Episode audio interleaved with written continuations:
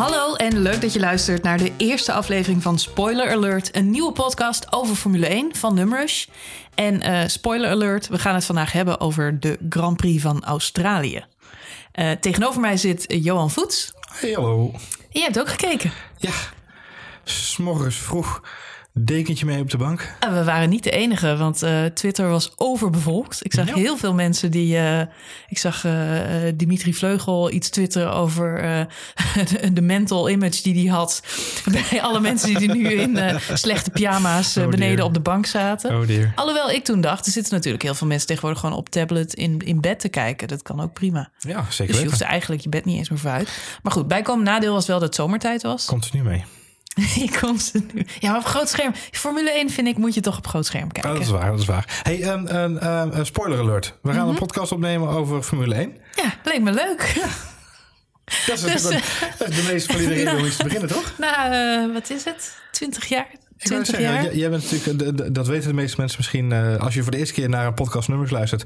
eh Marjolein is een beetje de Formule 1 eh, geek op onze redactie. Ja. Eh, eh, en eigenlijk ook al in alles wat met racen te maken heeft, trekken we al het jou naar voren bij alle andere podcasts en artikelen. Vind ik helemaal niet erg. Nee, nee, nee, Ik nee. ben eh, niet, niet bepaald. eh, ik heb een beautyblog. Daar hoef je, je hoeft me niet allemaal sampletjes op te gaan sturen van eh, nieuwe lipstiftjes of zo. Maar eh, als er een auto getest moet worden op Zandvoort, kun je mij altijd bellen. Marjolein is de boeken, Ed Marjolein. Precies. Ehm, maar eh, dus, nu, dus nu eindelijk eh, dit seizoen een eigen podcast met Ja, Numrush. nou, het leek me leuk. Het leek me in elk geval leuk om ehm, na elke race even de highlights eruit te vissen. En dan natuurlijk niet de race van ronde tot ronde door te spreken. 1. Niet? Nee, Oh, alhoewel nou, er, alhoewel er ook... Zo, die kan weg. Je had je voorbereid. Ik heb dat Shit. hele logboek Oh, bijgehouden. daar zijn al die schermen voor. Ja, ik heb al die big data zitten analyseren natuurlijk. Dat is mijn al die rondetijden. Nou, pak hem nog even bij. Ja. Nee, eh, wat we gaan doen is eh, ja, eigenlijk een paar eh, opvallende dingen uitlichten. We hebben natuurlijk, eh, ja goed, er wordt zoveel media gemaakt over de Formule 1 eh, tegenwoordig. Vroeger was het echt, keek je de race en daarna, eh, ja, dan was het twee weken radiostilte. Dan hoorde je, zag je er niks meer over. Artikeltje in de krant op maandagochtend en that's about it.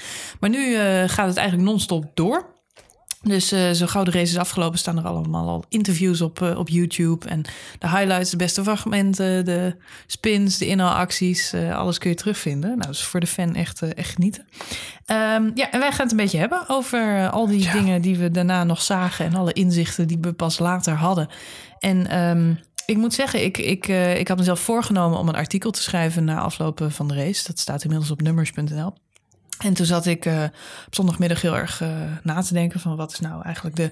Het is de eerste race van het seizoen, wat kun je, wat kun je erover zeggen? Nou, het meest opvallende gegeven is natuurlijk de winst van Vettel. En dan ga je eens een beetje napluizen en dan blijkt dat dat dus al ontzettend lang geleden is dat er een Ferrari gewonnen heeft. Nou ja, goed, ontzettend. In, elk geval twee seizoenen geleden heeft Vettel voor het laatst een Grand Prix gewonnen. Dus eh, dat vond ik eigenlijk wel een opvallend gegeven. Vooral omdat, ehm, ja, dat zag je volgens mij ook, dat de, de mensen bij Ferrari zo ontzettend emotioneel waren. Ja, dat zijn Italianen. Ja, dat weet ik. Maar Ik hoorde al, ik hoorde al emotioneel mama de pasta klaar heeft. Yes, pasta mama. Sorry, dat wil ik helemaal niet verkeerd. Ik wil heel graag nog vakantie naar Italië dit jaar. Ehm, Nou, ik moet zeggen, ik had hetzelfde. En ik, het is heel erg, want, want niks is zo vergevingsgezind als de Formule 1. Eh, want ik heb dus nooit iets met Ferrari gehad. Echt nooit.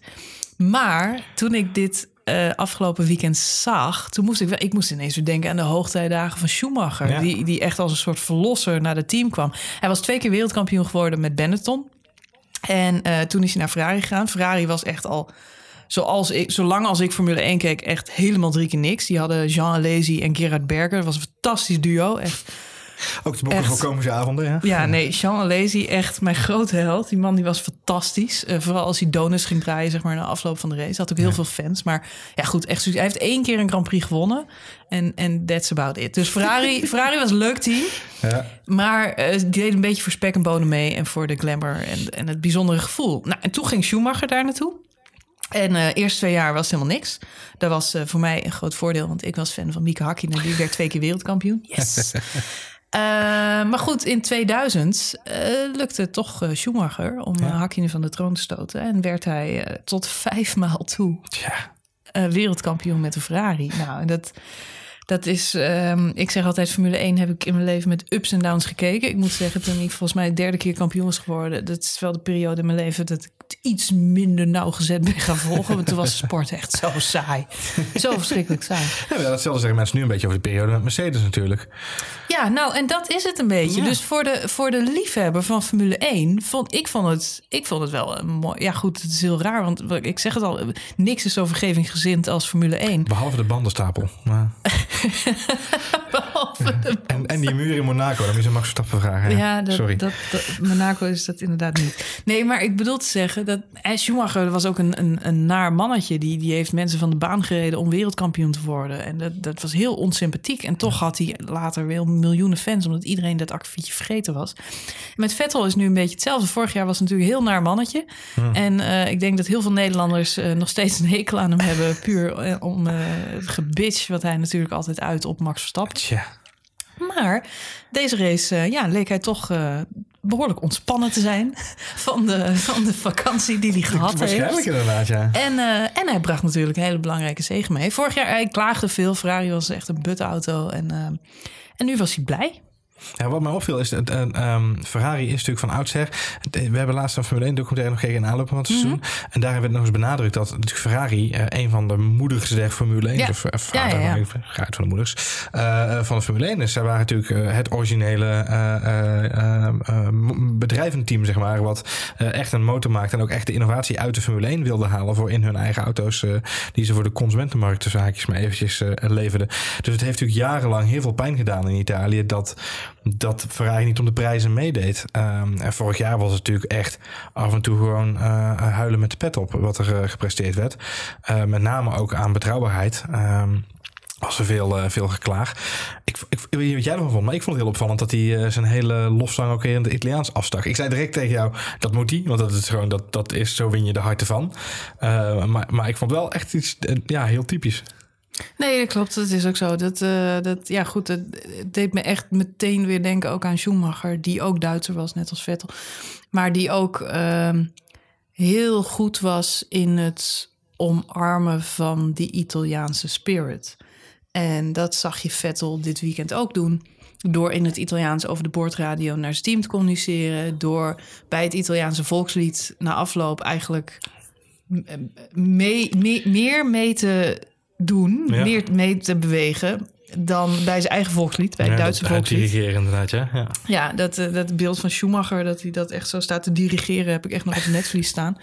Ehm, maar goed, dus dat, dat viel me ook heel erg op. Dat hij echt inderdaad wel toch blijkbaar iets gehad heeft. Of ik zat ook meteen te denken, zou hij een mental coach hebben of zo? Die Nou ja, dat, dat wilde ik vragen. Ik vroeg, ik vroeg me inderdaad ook af, maar dat, wil- ik denk, die bewaar ik even voor nu voor je. Maar ehm, eh, hij heeft natuurlijk in de zomer eh, behoorlijk de wind van voren gekregen. En niet alleen de wind, Ja. maar ook door zijn, eh, door zijn teambaas. Niet uh, Arie Verbenne, maar ehm, eh, de directeur van Ferrari Racing zelf. Die gewoon op een gegeven moment gezegd heeft, ja, we moeten maar eens kijken of Vettel na volgend seizoen nog een stoeltje heeft bij ons. Mhm. Dat was natuurlijk wel een redelijk waarschuwingsschot in de lucht, om zo maar even te hij zeggen. was gewoon ook super onfatsoenlijk. Hij heeft ook van, eh, van de VIA zelf gewoon een waarschuwing gekregen. Dat hij zich niet, niet zo moet laten gaan over de boordradio. Hij zat te vloeken en te tieren. En, eh, en nu hoorden we ineens een hele... Ciao bella. Ja. Grazie a tutti. Ja, dat Italiaanse trekje had hij ook al met Max Verstappen vorig jaar. Want dan had hij ook al het vingertje Ja, in het handje. hè. Dus dat is waar. Hij, had, hij heeft genoeg Italiaans eh, bloed eh, kennelijk toegediend gekregen intussen. Maar ik vroeg me wel af inderdaad naar aanleiding van, eh, van het incident. Of hij, eh, of je misschien wel eh, met zijn branding coach, zijn personal branding coach had gesproken. Van hoe het, le- het legde geen windeieren, want, ehm, want hij won de race. En eh dan gaf hij zelf ook wel toe dat dat een beetje mazzel is geweest. Het Ja. had ook met pitstop-strategie te maken. En ehm, zij hadden van tevoren al besloten om te gaan stoppen na Lewis Hamilton. Lewis Hamilton ging best wel vroeg de, de pitstraat al in. Dat Ja. pakte eigenlijk helemaal verkeerd uit. Want die kwam achter Max Verstappen de baan weer op. En daar kwam hij niet voorbij. Ja, hij noemde het zelf maar achteraf noemde hij het, I had a lost traffic, noemde hij het maar heel beleefd. Ja. Nou, voor ons, voor ons Nederlandse kijkers natuurlijk een heel mooi moment dat Lewis Hamilton gewoon, gewoon zegt: I can't get past this guy. dus eh, dat, dat is mooi. Maar goed, het was ook vervelend in die zin dat je gewoon ook bij Max Verstappen zag dat het heel moeilijk was om überhaupt in te halen op die baan. Mhm. Ehm, nou, Hamilton had hetzelfde probleem. Vettel ging later pitten en eh, ja, kon eigenlijk daardoor de, Ja. de leiding van de wedstrijd pakken. En die gaf hij niet meer uit handen. En wat mij heel erg opviel is dat de drie auto's. Want er werd wel gezegd na afloop van de race van... god, er is werk aan de winkel voor Mercedes en voor Red Bull.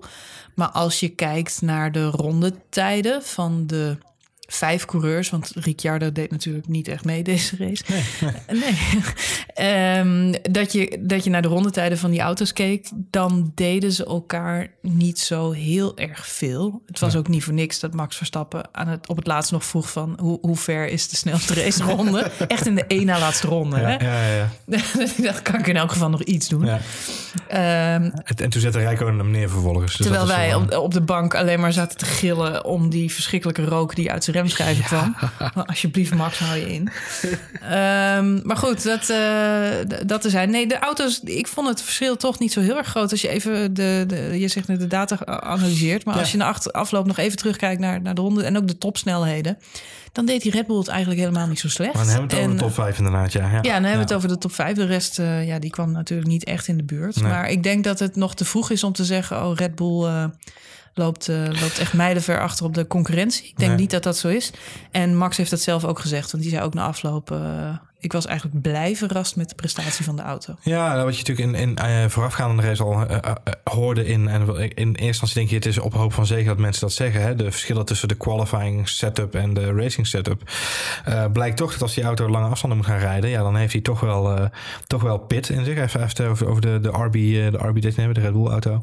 Um, heeft hij pit genoeg om bij te blijven. Ook in de topsnelheden had je al even opgezocht, zag ik inderdaad. Dat, dat, dat ja, toch wel behoorlijk wat pit in die auto zit. Vooral in bochtige stukken, net zoals vorig jaar eigenlijk... op de bochtige stukken rijdt, uh, rijden de Red Bulls redelijk snel weer naar de Ferraris toe.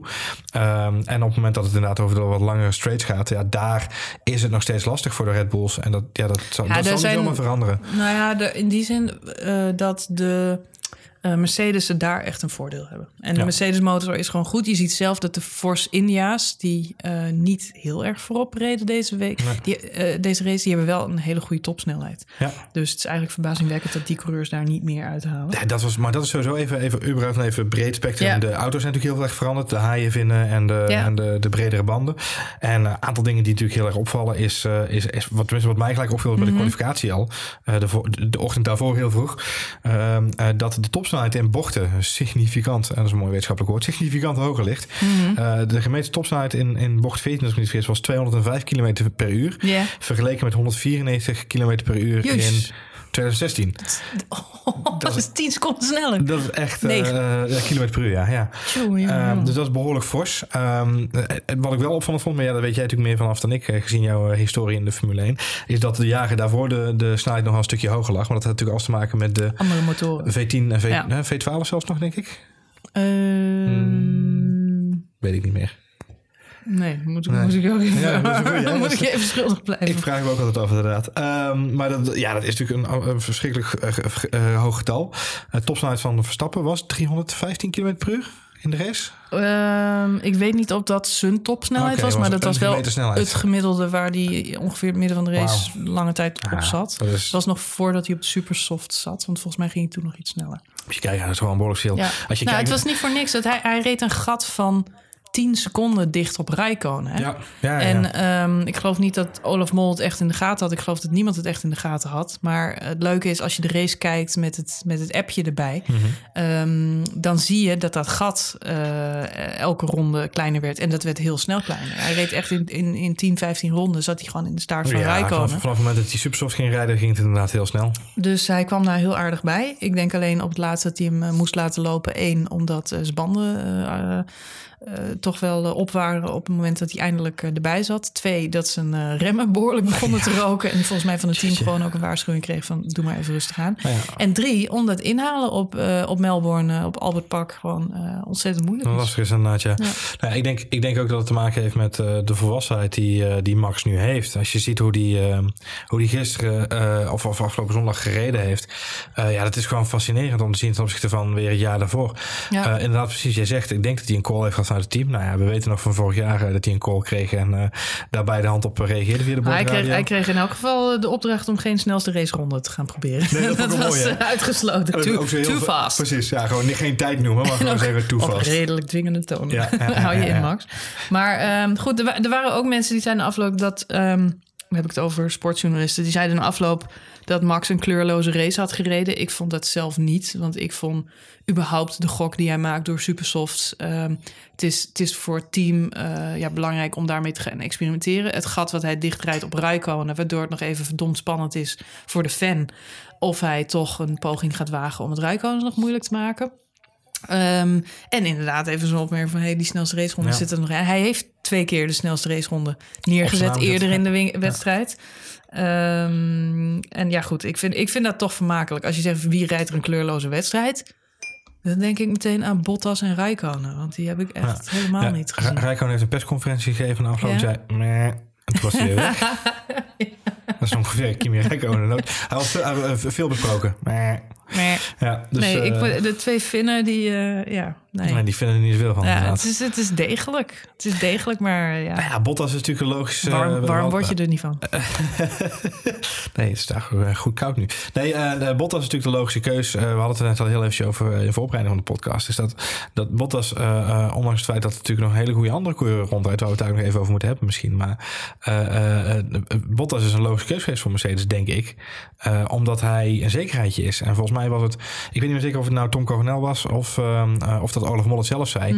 Die eh, tijdens de race al zei van, joh, als ik de manager was van Val- Valtteri Bottas, dan zou ik lekker tegen die jongen zeggen, hey, de eerste drie races of de eerste vier races van het seizoen, als Hamilton 1 wordt, word jij 2. En als Hamilton 2 wordt, word jij 3. En als hij 3 wordt, word jij 4. je gaat eh, even proberen je plekje te verdienen eh, binnen, die, eh, eh, binnen die club. En toen moest ik gelijk een beetje denken aan arme Rubens Barrichello. Ik kan het zeggen, het is een Barrichello-syndroom. Maar jij vertelde dat tegen mij. Dat, het was, ik, had natuurlijk, ik kende natuurlijk de beelden wel, maar ik was het alweer glad vergeten. Maar jou... Het is, ik was vorige week op een eh, perspresentatie van de nieuwe eh, Le Mans-auto van Jan Lammers. En ehm, hij gaat Le Mans rijden samen met Frits van Eert van Jumbo en met eh, Rubens Barrichello in zijn team. Eh, Le Mans rijdt altijd met drie coureurs, één auto.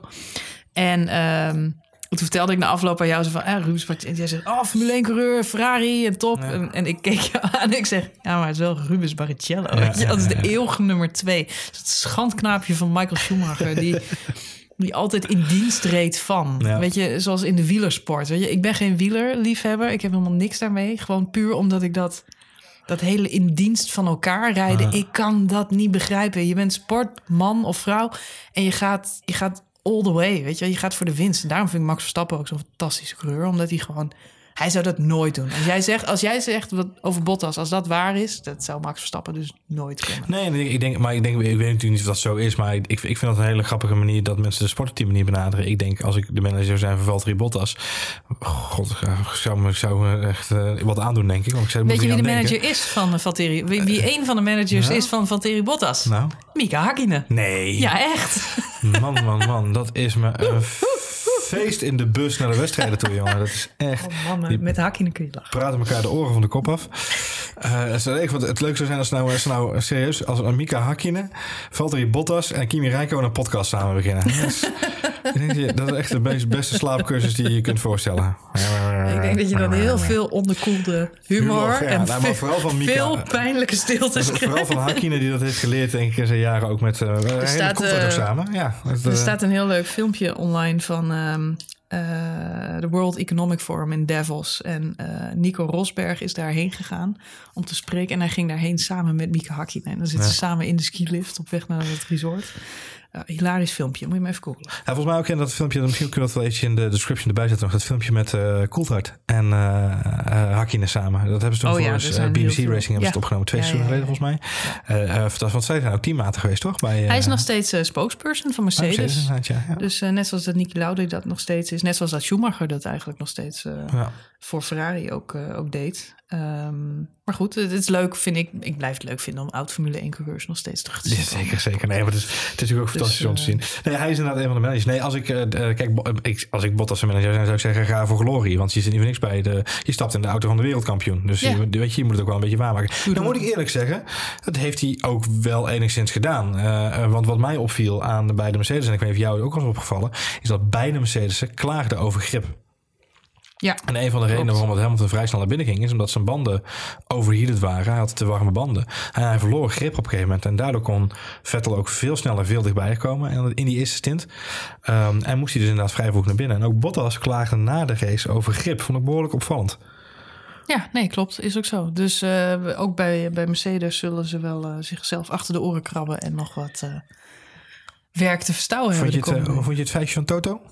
Ja, mooi. Het is een meme geworden, echt. Hè? Ja, het, is een feestje van Toto. Ik zag, ik, het mooie is van dat soort fragmenten dat ze binnen drie minuten zie je hem als gifje voorbij komen in je Ja. tijdlijn op Twitter. Ja, dat is toch heerlijk inderdaad. Dan de Overigens, Twitter. van Twitter, ja. Ja, echt serieus. Ik blijf dat leuk vinden. Zeker als je zo op het vroege uur Formule 1 zit te kijken. En Ehm, alle voetbalfans nog slapen. Ja. Ja. maar enerzijds is het, een, is het een tijdlijn van Nederlandse fans. En dat zijn er eh, behoorlijk wat inmiddels. Wat ik echt helemaal te gek vind. En anderzijds heb je alle teams, alle ja, de coureurs die, die zeggen natuurlijk tijdens de race niks. Alhoewel, de account van eh, Verstappen die wordt eh, bijgehouden door zijn zus. Weet jij mij te vertellen? Nou ja, zijn social media, zijn Instagram stories worden bijgehouden. Dus zij zijn een fotograaf, zijn. Instagram. eh, dat volgens mij zijn de influential bij proxy, zeg maar. Ja, dus en, en dat vind ik echt, dat is echt, als je dat nog niet doet, volg dan in elk geval je favoriete teams en coureurs. Want die Ja. hebben tegenwoordig allemaal social media teams erop zitten. En dat is echt heel grappig. Ik dacht dat ze bij, Re- bij Red Bull Racing hebben ze weer nieuwe gifjes gemaakt. Dus elke keer als Max of Ricciardo iets heeft, zeg maar, en daar kunnen ze een gifje bij plaatsen, dan staat het online. Het is echt heel grappig. De gifjes bleven even afwezig bij Ricciardo zijn weekend dit, eh, deze keer. Eh, Even, ja, eh, over. een low gifje count voor, eh, Ricciardo voor had Ricciardo. een, eh, goed, eh, een, een- ja, Ja. Hey, even snel Toto Wolff, want die, die, heeft, eh, die, die had natuurlijk het vuistje. Eh, en dat vuistje was met name omdat ze zich een klein beetje misgerekend hadden met die pitstop eh, Ja. die ze hadden ingepland. ja, dat was echt een epic veel. Want ze zeiden gewoon tegen Hamilton dat hij het ging redden. Ja, ja dat dachten ze inderdaad. Ja. Ja. Ja. toen kwam hij toch achter Verstappen. Ja. Ja. En dat is toch balen. Nee, ik vond het wel mooi. Hij eh, was een, eh, de eerste om eh, groots uit te pakken met complimenten voor Ferrari. Mhm. in, zijn, eh, in zijn officiële statement na de wedstrijd. Grote complimenten voor Sebastian. Grote complimenten voor Ferrari. Fantastisch gereest. Optimaal gepresteerd. En ze hebben ons fair en square verslagen. Mhm. Maar hij sloot wel af met de mededeling dat hij wel werk had binnen het team. Want we hebben vandaag niet maximaal gepresteerd. Daarmee haalt hij eigenlijk zijn eigen compliment aan het begin van de zin weer helemaal onderuit. Ze hebben eigenlijk gewoon gewonnen dat wij niet maximaal gepresteerd hebben. Dus Maar het opvallende is dat Vettel dat zelf ook zei. Hij zei van het is fantastisch dat we gedaan hebben. En we hebben goed, ge- goed gepresteerd dit weekend. We hebben ontzettend hard gewerkt om die auto zo goed te krijgen. Maar ehm, het was toch ook wel een grote portie geluk. Ja. Dat wij eh, er zo uit zijn gekomen. ja, ja. Dus we moeten niet... eh, Kijk, iedereen zei al na de test in Barcelona... dat die Ferraris de zaken goed op orde hadden. Nou, dat blijkt. Maar ehm, volgens mij is het nog niet zo dat, eh, dat zij... garant, garantie op de, op de titel eh, kunnen geven. Nee, geen cent. Want je ziet ook aan de auto van Rijkonen dat, dat daar de rest gewoon veel te dichtbij kan. De, de, de, Ja. de, de- kijk, heel simpel, Bottas gaat gewoon met vrij veel gemak langs eh Rijkonen. En eh, Verstappen draait zo zijn, eh, ook zijn, zijn versnellingsbak in als nodig is. Rijkoon is natuurlijk ook 20 jaar ouder. Hè? Dus die, Ja, die rijdt op een seniorenpas, zou je zeggen. Ja. die moet zijn leesbril opzetten. Ja, die, die handmatig schakelen die met een trillende hand tegenwoordig inderdaad. Ja, dus dat is wel, dat is wel fascinerend. En ik ben heel erg benieuwd, want eh, we hebben het he- eigenlijk helemaal niet over Ricardo gehad. Omdat er ook niet zo heel veel over te vertellen is. We hadden het natuurlijk wel na de race gelijk heel even over dat eh, eh, de reactie van Ricardo bij Jack Ploy van Ziggo eh, was heel goed. Wij zeiden altijd, oh, tenen krommend. Want Jack Ploy begon natuurlijk direct over de RB13, de, het ongeluksgetal nummer 13. Eh, en dat Ricardo gelijk reageerde met, nou, dan heb ik nu gewoon alle pech van, de heel, van het hele seizoen gehad. En dan hebben we dat gehad, kunnen we door met geluk verzamelen. En daar moesten we altijd heel hard om lachen. En ik, ik, ik zei ook, wat, we het nou ook over hadden, zei ik tegen jou. Ik denk daadwerkelijk echt dat het eh, eh, een zegen kan zijn voor Red Bull dat Ricardo dit nu heeft meegemaakt. Omdat eh, ze nu aan de ene kant een auto hebben die gewoon eh 56 slash 57 rondes race speed heeft gereden. Ze hebben daar de data van. En ze hebben een auto die in de warming-up lab en in de, in de race gewoon een failure had. Waar ze dus gewoon dingen uit kunnen halen. En ik, trok, ik trok de parallel met mijn illustre carrière als programmeur. Het is liever, het is voor hen fijner dat ze hem nu hebben dan halverwege het seizoen. Als ze inderdaad meeracen om het En ze komen na allemaal tweaks erachter dat er iets mis is in de motor. En het is echt in de kern. Want dan ga je namelijk al je tweaks in twijfel trekken. En moet je helemaal terug naar, eh, naar nul voordat je bij die motor weer bent waar je nu bent. En nu hebben ze zo'n groot probleem al direct te pakken aan het begin van het seizoen. En kunnen ze het natuurlijk ook vrij goed op handelen. Ehm, wat wel lullig is, is als ze inderdaad de versnellingsbak nog een keer zouden moeten vervangen. Dan zijn ze vrij snel door de, eh, de versnellingsbakjes heen die ze mogen vervangen. En voor het weet zit je weer met grid penalties. Dat is natuurlijk niet leuk. Nee, nee, dat is balen. Maar ik denk... ehm, Ik denk dat de insights belangrijk zijn, laat ik het zo zeggen. Dat is mijn punt. Ik denk dat denk ik ook. denk Dat- Red en dat zei, dat zei hij zelf ook na afloop. Hij zegt, dit, ik ben al lang blij dat ik nog heb kunnen starten. Want daar zag het niet naar uit. Hij viel stil in de opwarmronde. Nou, dat, is, dat wil je niet. En Nee. zeker niet bij het thuis Grand Prix. Dat is echt heel lullig. Maar ehm, toen zag het er naar uit dat hij niet zou kunnen starten. Toen hebben ze toch gezegd van... oké, we kunnen iets vervangen. We gaan het, eh, we gaan het regelen. Versnelling zat eh, vast in de zesde versnelling. Dat was het probleem. Dat hebben ze toch nog gefixt. En is hij twee ronden later is hij gaan rijden. Ja. En ik zat, ik, het is grappig, want ik zat net hem een beetje in de gaten te houden eh, in, in de app, zeg maar. Wat is hij aan het doen? Ja, wat is hij aan het doen? Wat zijn ze rond? Want hij reed nog steeds achteraan. Hij had nog Ja. niet zicht op, op zeg maar, inhaalrace of eh, dat, hij, dat hij er nog bij kwam.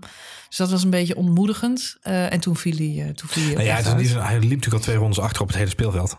Ja, maar dat Dus- is niet... maar hij had, eh, al wel, hij, had al wel, hij had al wel een aantal mensen ingehaald op weg om zijn eerste rondje zeg maar weer... Ja, eh, precies. dus Nee, maar hij heeft gewoon een snelle auto. Dus Ja, het, is, daarom. het is nooit... Natuurlijk, twee ronden Maar dus achterstand ik denk, ik denk maken. voor de lange termijn dat Red Bull zomaar, eh, eh, qua data, als ik even vanuit de datakant mag Mhm. kijken, misschien wel de luckiest of de, of de mall is. In de zin van ze hebben nu dubbele inzichten. En ze hadden misschien liever de dubbele punten gehad. Dat kan ik me heel goed voorstellen. Want ik denk dat als Ricciardo erbij was geweest, dat Felipe Massa niet op die zesde plek was geëindigd, die nu heel knap is. Ehm, ja, dus ik denk dat zij in principe wel een beetje geluk hebben gehad dat ze wel die testdata nu in ieder geval te pakken hebben. Ja, maar dat hebben ze natuurlijk allemaal. Nee, maar ik bedoel, ja, de, de failure van de engine. de- die hebben ze nu gedekkeld. Hopelijk. Ja, ja. Ook voor Verstappen. Ja. Snap je? Als het een core problem is, een kernprobleem, dan hebben ze dat in ieder geval nu een keer gezien. Ja, en ik weet wat ze moeten fixen. Nou, dat is waar. Positief. Ja, een positief Een mens. stukje omdenken naar de mensen toe. Ja, een stukje omdenken. Een stukje omdenken over je podcastgolven. Heel goed. Hey, wie, wie is op dit moment, Wie is de mol? wie is de mol? nou, dat is Danny Blind. Eh, buiten... Oh nee, wacht even. Ehm, andere podcast. Buiten al deze eh, mooie jonge mannen die zo goed hebben gereden dit weekend, de meest opvallende coureur geweest wat jou betreft. Deze race? Überhaupt gewoon, waarom zit die man nog daar? Waarom zit die man nog daar? Ehm, nou, ik, ik ben wel... eh, Wat zit je nou te gebaren? Yes, yes. It's hebt, a driving car, yes. je hebt het over Fernando Alonso. Fernando. Nou, wat ik heel grappig vind... Ik zit dan toch een beetje, voordat het seizoen begint... even door te nemen wie er allemaal nieuw bij zijn... en Ja. wie er allemaal wat langer bij zijn. Er zijn Ja. drie coureurs die al wat ouder zijn. En met wat ouder bedoel ik van mijn leeftijd. wat, eh, wat best wel scary. Alonso, die is, die is bijna net zo oud als ik. Die Oh. schelen maar een maand. Hij is precies een maand eerder jarig dan Oké, ik. nou. Ja. Ehm, maar Fernando Alonso, die zit bij een uh, put. Die, die, Fernando. die, die reist bij McLaren. En. McLaren heeft echt een dramatische auto. Ja. Dramatisch. Ja. Dus was het bijzonder knap dat eh, Fernando Alonso dat ding nog naar een tiende plek weet te sturen. Ja. En gewoon zicht heeft op punten. Alleen goed, uiteindelijk gaat, eh, gaat die auto toch eh, kapot. Het was zelfs zo erg dat Lewis Hamilton na afloop gezegd heeft... dat hij het jammer vond dat Fernando Alonso niet bij een topteam reed. Ja, omdat hij een van de beste coureurs op de grid, Op de is in de dat, 1. dat voelde dus, dus, uit. Toen in de, in de zomerdiscussie was met Alonso heeft hij al naar Mercedes in plaats van Bottas. Ja, ja, ik, zat er, ik zat er echt op te duimen. Omdat laat het, het gewoon... gebeuren, ja. Omdat je dan, dan heb je Vettel en Hamilton en eh, Alonso, Raikkonen. Heb je al die, al die oud-wereldkampioenen ja. In een topauto. maar en Max ik bedoel, als laten- soort nieuw. Ja, en, en Ricciardo. inderdaad. Maar laten, laten we eerlijk zijn. Hij rijdt nu in een auto waar twee hamsters in de, onder de motorkap zitten. Eh, en de banden zijn nog net niet vierkant. En er was zo'n hoop dat die auto het beter zou Het gaan doen. En ik moet zeggen, dat- hij ziet er ook niet uit in dat knaloranje. Het is nog niet zo erg als de Force India. Want serieus, de persoon die bedacht heeft om een roze Formule 1 auto op de, op de grid te zetten... die moeten ze echt van de LSD afhelpen. maar... eh, ja, het is gewoon sneu. Ik vind het zo jammer dat, het, was, dat het was zo erg dat... Hij is pas 35. Dat is niet oud. Stoffel van Doornen moest uit de auto de hamsters voer geven. Toen we in de auto stappen voordat hij kon verder rijden met zijn pitstop. Had je gezien? Dat is echt heel ziek. Je moest, hij moest de, de start-stop eh, procedures manual uitvoeren. Dat betekent dus uit de auto, ratje Ah, ja. aandraaien. Oh, dat was dat. Ja, een bakje voer erin, een beetje water in dat eh, dingetje erbij. En dan kunnen ze weer verder. Ja, dat, Arme stof. Arme Stoffel, ja. Dat, ja, goed, die grap ga ik niet maken trouwens. Speaking of eh, rookies, want behalve de, de oude, we hebben dus Massa en Raikkonen en ehm, eh, Alonso, wat een beetje de oude, oude rotten zijn. Want Raikkonen is de oudste, die is 37. die Ja, maar Rijkoon is 56. ingevroren, hè, dus die gaat misschien al 40 jaar mee. ja, dat is waar. Het is gewoon een blok ijs wat er in die Ferrari zit. Dus dat, eh, de Iceman. Maar we had, er waren ook rookies. En sterker nog, ja. Eh, er is iemand die, die jonger is dan Max Verstappen. ja. Lance Stroll. Lance Stroll. Ja. Die eh, nam een eh, Stroll terug naar de pitlane. Hey, dames en heren. Marjolein. die heeft het ook niet gered. Zo. Nee, Lance Stroll. Die, maar hij heeft al wel meer laps gereden dan in zijn testdagen. Dus dat is op zich positief. En dan, hij hield hem in ieder geval op de baan deze Ja, keer. dan was er nog een nieuwe coureur die ik helemaal gemist heb, waar jij me net op attendeerde, Antonio Giovannizzi. Ik, wist niet eens, ik wist niet eens dat hij meedeed. Ja, ja, Maar het schijnt dat hij Weerline vervangt, Hij omdat zat- Weerline een hersenschudding Nou heeft. ja, of, of, een, of, een, of een schouder of een nekblessure. Ik weet niet precies wat dat was. Maar in ieder geval, eh, hij zat in het Wehrlijn-pak inderdaad. Nee, Antonio Wehrlijn is eh, van, de zo, van de zomer in eh, Miami. Aan het einde van het eh, racejaar doen ze in, in Miami doen ze de Race of the Champions. Ja, doen ze eigenlijk allerlei maffe auto's, circuits eh, bouwen ze met allemaal van die speciale gekke raceauto's. Waaronder zo'n Atom, zo'n kart is dat. En ze hadden ook een of andere kart, een soort dual kart of zo. En daar is hij in een knetterharde botsing terechtgekomen met niemand anders dan Felipe Massa. Vroeger mocht je als Formule 1-coureur niet eens gaan skiën. Nee, ja, dat, dat klopt. Ja, maar ja, dit, is ook wel, eens- dit was dan een racing eh, event, hè? dus het is Ah, ook ja. vanuit de sponsoren. En, eh, Maar kaarten mocht volgens mij ook niet. maar dit zijn, eh, ze zitten natuurlijk wel helemaal ingepakt en alles erop en eraan. Eh, maar hij staat wel met, met onze grote vriend Met Massa. bubbeltjes plastic. Ja, precies. En, ja, zoals ik het noem, met de Robben trainingspak. Eh, hij is eh, eh, in contact gekomen met Felipe Massa daar, heel hard. En over de kop gevlogen de, de bandenstapel in. Nou zeg maar alleen dat race heel vergeefsgezind is. Nou, deze bandenstapel Maar de ook niet. bandenstapel niet. Eh, en dat heeft hem een blessure opgeleverd. En hij is nog steeds niet voldoende hersteld om, eh, om te kunnen racen. Dus dat, eh, dat was in ieder geval de uitkomst van dit weekend. En dat betekent dat eh Giovinazzi mocht reizen, racen. En hij kwam op de volgens mij niet verkeerde dertiende plek. Eén na laatste plek. Echt? Eén Oh. na laatste is hij geworden. Wie heb ik dan? Oh, Van Doorn was dat Van natuurlijk. Doornen Ja. is laatste Stoffel. geworden. Ja. Nee. Nou ja, er waren drie rookies eh, deze eerste race van 2017. En Stoffen van Doorn heeft natuurlijk vorig jaar al een, al een race gereden.